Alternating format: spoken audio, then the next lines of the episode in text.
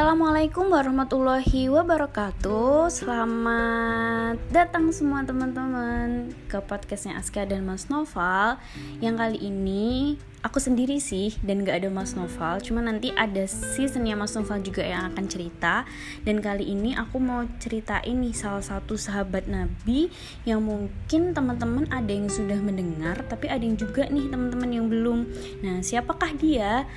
Uh, ya dia adalah seorang sahabat Nabi yang bernama Syakban. Dan apa yang bisa kita ambil hikmah dari beliau?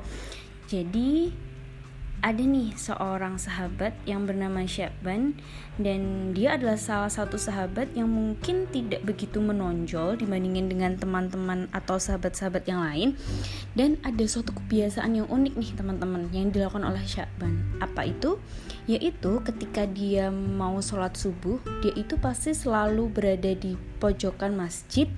Dan dia itu sebelum azan berkumandang dia pasti sudah datang. Jadi kayak semacam apa ya kayak uh, iktikaf dulu mungkin ya yang dilakukan oleh Syakban ini gitu. Nah kenapa kok dia itu selalu berada di pojokan nih teman-teman? Karena alasannya mungkin karena dia nggak ingin mengganggu orang lain dan juga dia juga nggak mau terganggu nih sama orang lain dalam beribadah. Karena dia emang kayak kepingin apa ya pengen fokus gitu sih beribadah sama Allah gitu kan. Nah kebiasaan ini sudah dipahami nih teman-teman oleh sahabat bahkan Rasulullah Shallallahu Alaihi Wasallam sendiri bahwa Syakban itu selalu berada di posisi tersebut termasuk saat sholat berjamaah. Nah suatu pagi nih teman-teman saat sholat subuh berjamaah mau dimulai nah Rasulullah itu mendapati Syakban itu nggak ada di posisi kayak biasanya.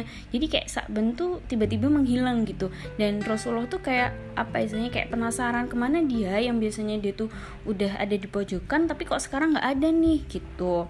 Hingga akhirnya Rasulullah tuh bertanya nih sama sahabat-sahabat lainnya atau sama penduduk ketika sholat berjamaah itu ya. Di manakah Syakban berada gitu? Nah tapi nggak ada seorang pun yang mengetahui nih di manakah Syakban gitu? Hingga akhirnya Rasulullah itu menunda sholat subuh sejenak karena untuk menunggu Syakban untuk datang dulu gitu. Karena mungkin dia ada apa-apa di jalan atau mungkin terlambat juga gitu kan. Hingga akhirnya sudah melebihi waktu yang sudah ditentukan itu ya. Jadi kayak Rasulullah ya udah deh uh, kita duluan aja deh sholat berjamaahnya gitu. Mungkin nanti uh, Saban bisa menyusul gitu kan.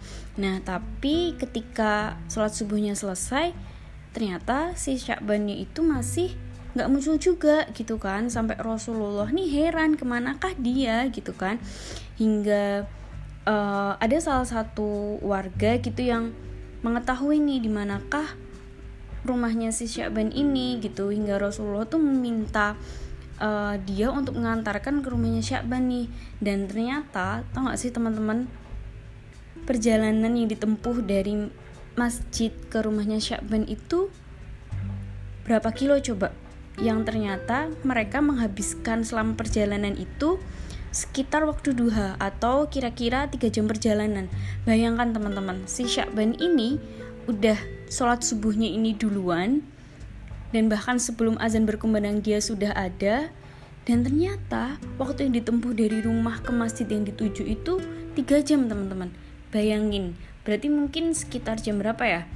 Hmm, jam satu kali ya dia dari rumah gitu berangkat sampai sana sekitar jam 4 kurang mungkin kan? Nah hingga akhirnya sampailah Rasulullah dan para rombongan ini ke rumahnya si Syakban gitu Nah, akhirnya Rasulullah mengetuk pintu dan akhirnya dia bertanya, "Benarkah ini rumahnya Syakban?" Ya benar, saya istrinya. Ternyata istrinya nih teman-teman yang jawab gitu. Bolehkah kami menemui Syakban yang tadi tidak hadir saat sholat subuh di masjid? Dengan berlinang air mata, istri Syakban menjawab, beliau telah meninggal tadi pagi. Innalillahi wa inna ilaihi rojiun Masya Allah salah satu penyebab dia tidak sholat subuh berjamaah adalah Karena ajal yang sudah menjemputnya Rasulullah sedih dong kayak gitu kan Nah beberapa saat kemudian istrinya Syakban tuh bertanya nih sama Rasul Ya Rasul ada sesuatu yang jadi tanda tanya bagi kami semua Yaitu menjelang kematiannya dia berteriak tiga kali dengan masing-masing teriakan disertai satu kalimat Kami semua tidak paham apa maksudnya Rasul pun bertanya, balik dong, apa saja kalimat yang diucapkannya? Di masing-masing teriakannya, dia berucap kalimat seperti ini ya Rasul. Yang pertama, aduh kenapa tidak lebih jauh? Yang kedua, aduh kenapa tidak yang baru? Yang ketiga, aduh kenapa tidak semua? Nabi pun melantunkan ayat yang terdapat dalam surat Al-Qaf ayat 22. Sesungguhnya kamu berada dalam keadaan lalai dari hal ini. Maka kami singkapkan daripadamu hijab yang menutupi matamu. Maka penglihatanmu pada hari itu amat tajam. Saat Syakban dalam keadaan sakaratul maut, perjalanan hidupnya itu ditayangin ulang nih sama Allah kayak gitu kan.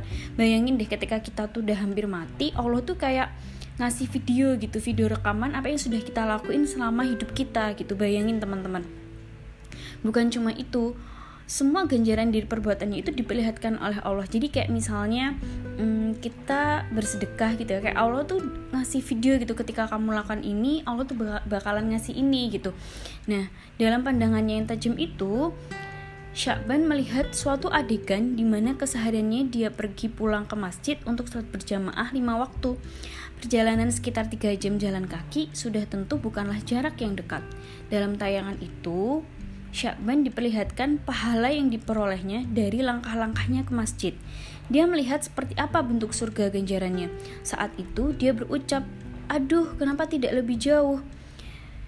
Timbul penyesalan dalam diri Syakban, mengapa rumahnya tidak lebih jauh lagi supaya pahala yang didapatkan lebih banyak dan surga yang didapatkan lebih indah. Mungkin teman-teman sudah tahu ya bahwa ketika kita tuh berjalan menuju masjid, ketika sholat berjamaah, itu ada pahala dalam satu langkah itu gitu.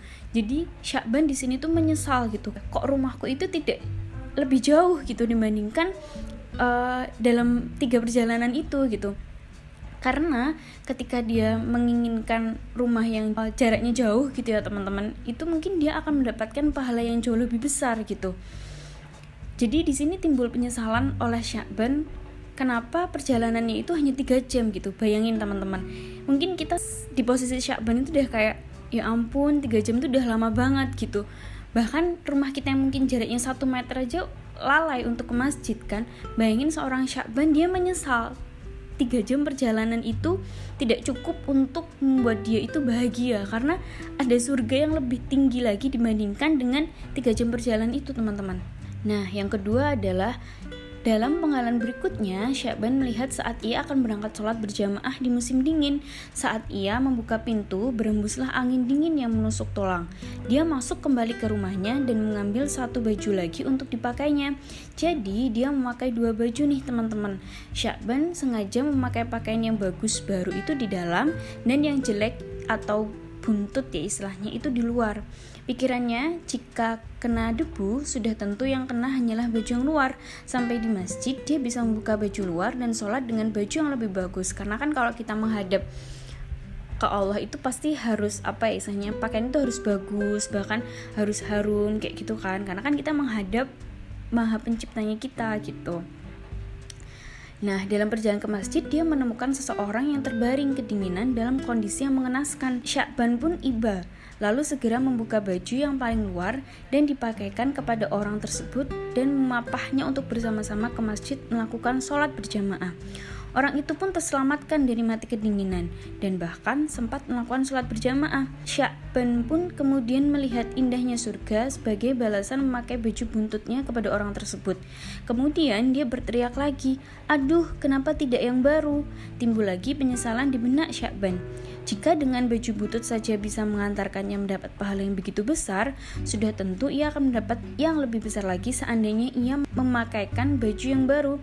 Berikutnya, Syakban melihat lagi suatu adegan saat dia hendak sarapan dengan roti yang dimakan dengan cara mencelupkan dulu ke segelas susu. Ketika baru saja hendak memulai sarapan, muncullah pengemis di depan pintu yang meminta diberi sedikit roti karena sudah lebih tiga hari perutnya tidak diisi makanan. Melihat hal tersebut, Syakban merasa iba. Ia kemudian membagi dua roti itu sama besar. Demikian pula segala susu itu pun dibagi dua. Kemudian mereka bersama-sama makan roti itu yang sebelumnya dicelupkan susu dengan porsi yang sama. Allah kemudian memperlihatkan ganjaran dari perbuatan Syakban dengan surga yang indah. Demi melihat itu dia pun berteriak lagi, aduh kenapa tidak semua? Syakban pun menyesal. Seandainya dia memberikan semua roti itu kepada pengemis tersebut, tentulah dia akan mendapat surga yang lebih indah. Nah, apa sih yang bisa kita ambil hikmahnya dari kisah Syakban ini gitu ya?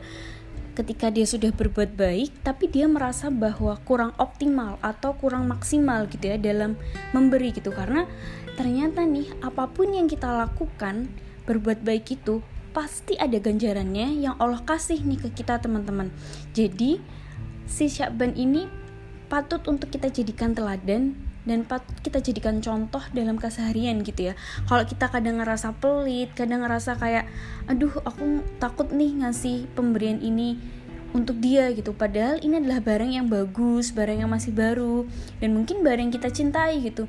Padahal ketika misalnya kita tuh ngasih sesuatu untuk orang lain itu pasti apa istilahnya bakalan Allah kasih berlipat-lipat gitu kan dan karena kita tidak melihat ganjaran yang Allah kasih ke kita ketika kita melakukan suatu kebaikan gitu. Seandainya nih teman-teman, ketika kita tuh diperlihatkan sama Allah bahwa kebaikan apa pun yang kita lakukan itu pasti ada ganjarannya. Saya yakin beribu-ribu kali kita semua pasti akan melakukan kebaikan apa yang sesuai Allah perintahkan. Tapi sayangnya mata kita itu ditutupi oleh hijab gitu ya teman-teman bahwa ganjaran itu emang sengaja nggak Allah perlihatkan. Karena untuk apa sih teman-teman? Untuk menguji nih siapa di antara kita yang paling bertakwa dan paling beriman sama Allah nih. Nah jadi teman-teman jangan pernah takut melakukan kebaikan jangan pernah takut pelit jangan pernah jangan pernah takut miskin karena memberi gitu ya teman-teman. Jadi pesan buat aku dan pesan untuk kita semua gitu ya teman-teman bahwa seandainya nih kita diperlihatkan ganjaran yang Allah kasih ke kita saya yakin kok mau hujan badai mau hujan deras kita pasti akan bela-belain ke masjid walaupun dalam keadaan ngesot. Karena apa teman-teman karena kita yakin ketika kita mendapatkan itu kita akan mendapatkan balasan yang jauh lebih indah dari apa yang kita perkirakan sebelumnya. Nah, mungkin itu ya teman-teman nasihat dari aku dan untuk aku juga dan nasihat untuk kita semua bahwa jangan pernah takut melakukan kebaikan karena percayalah surga itu ada teman-teman dan dan percayalah bahwa kita akan dibalas sesuai dengan ganjaran kita dan kematian itu tidak menunggu kita berumur 70 tahun. Enggak, kita bisa mati besok dan tiba-tiba kita udah di kuburan dengan beralaskan batu, beralaskan tanah dan hanya memakai kain kafan. Dan saat itu juga kita akan ditanyai sama para malaikat dan tentunya Allah juga gitu ya. Dan itu yang membuat aku semangat sih sebenarnya semangat untuk apa ya? Untuk nggak takut sama hidup lagi maupun apa pun itu gitu. Jadi kayak malah justru kadang akhir-akhir ini aku kayak berdoa ya Allah jangan jadikan aku orang kaya jadikan aku orang miskin aja jadikan aku bahkan kayak minta dikasih ujian gitu. Karena apa teman-teman? Rasulullah aja dikasih ujian yang sangat berat. Masa kita nggak mau sih kayak bersanding gitu di sampingnya Rasul? Nah mungkin itu aja ya teman-teman. Pesan dari aku cerita dari aku dan semoga semua kita bisa mengambil hikmah dari apa yang diteladankan oleh si Syakban ini. Mungkin ada khilafnya, saya mohon maaf. Wassalamualaikum warahmatullahi wabarakatuh.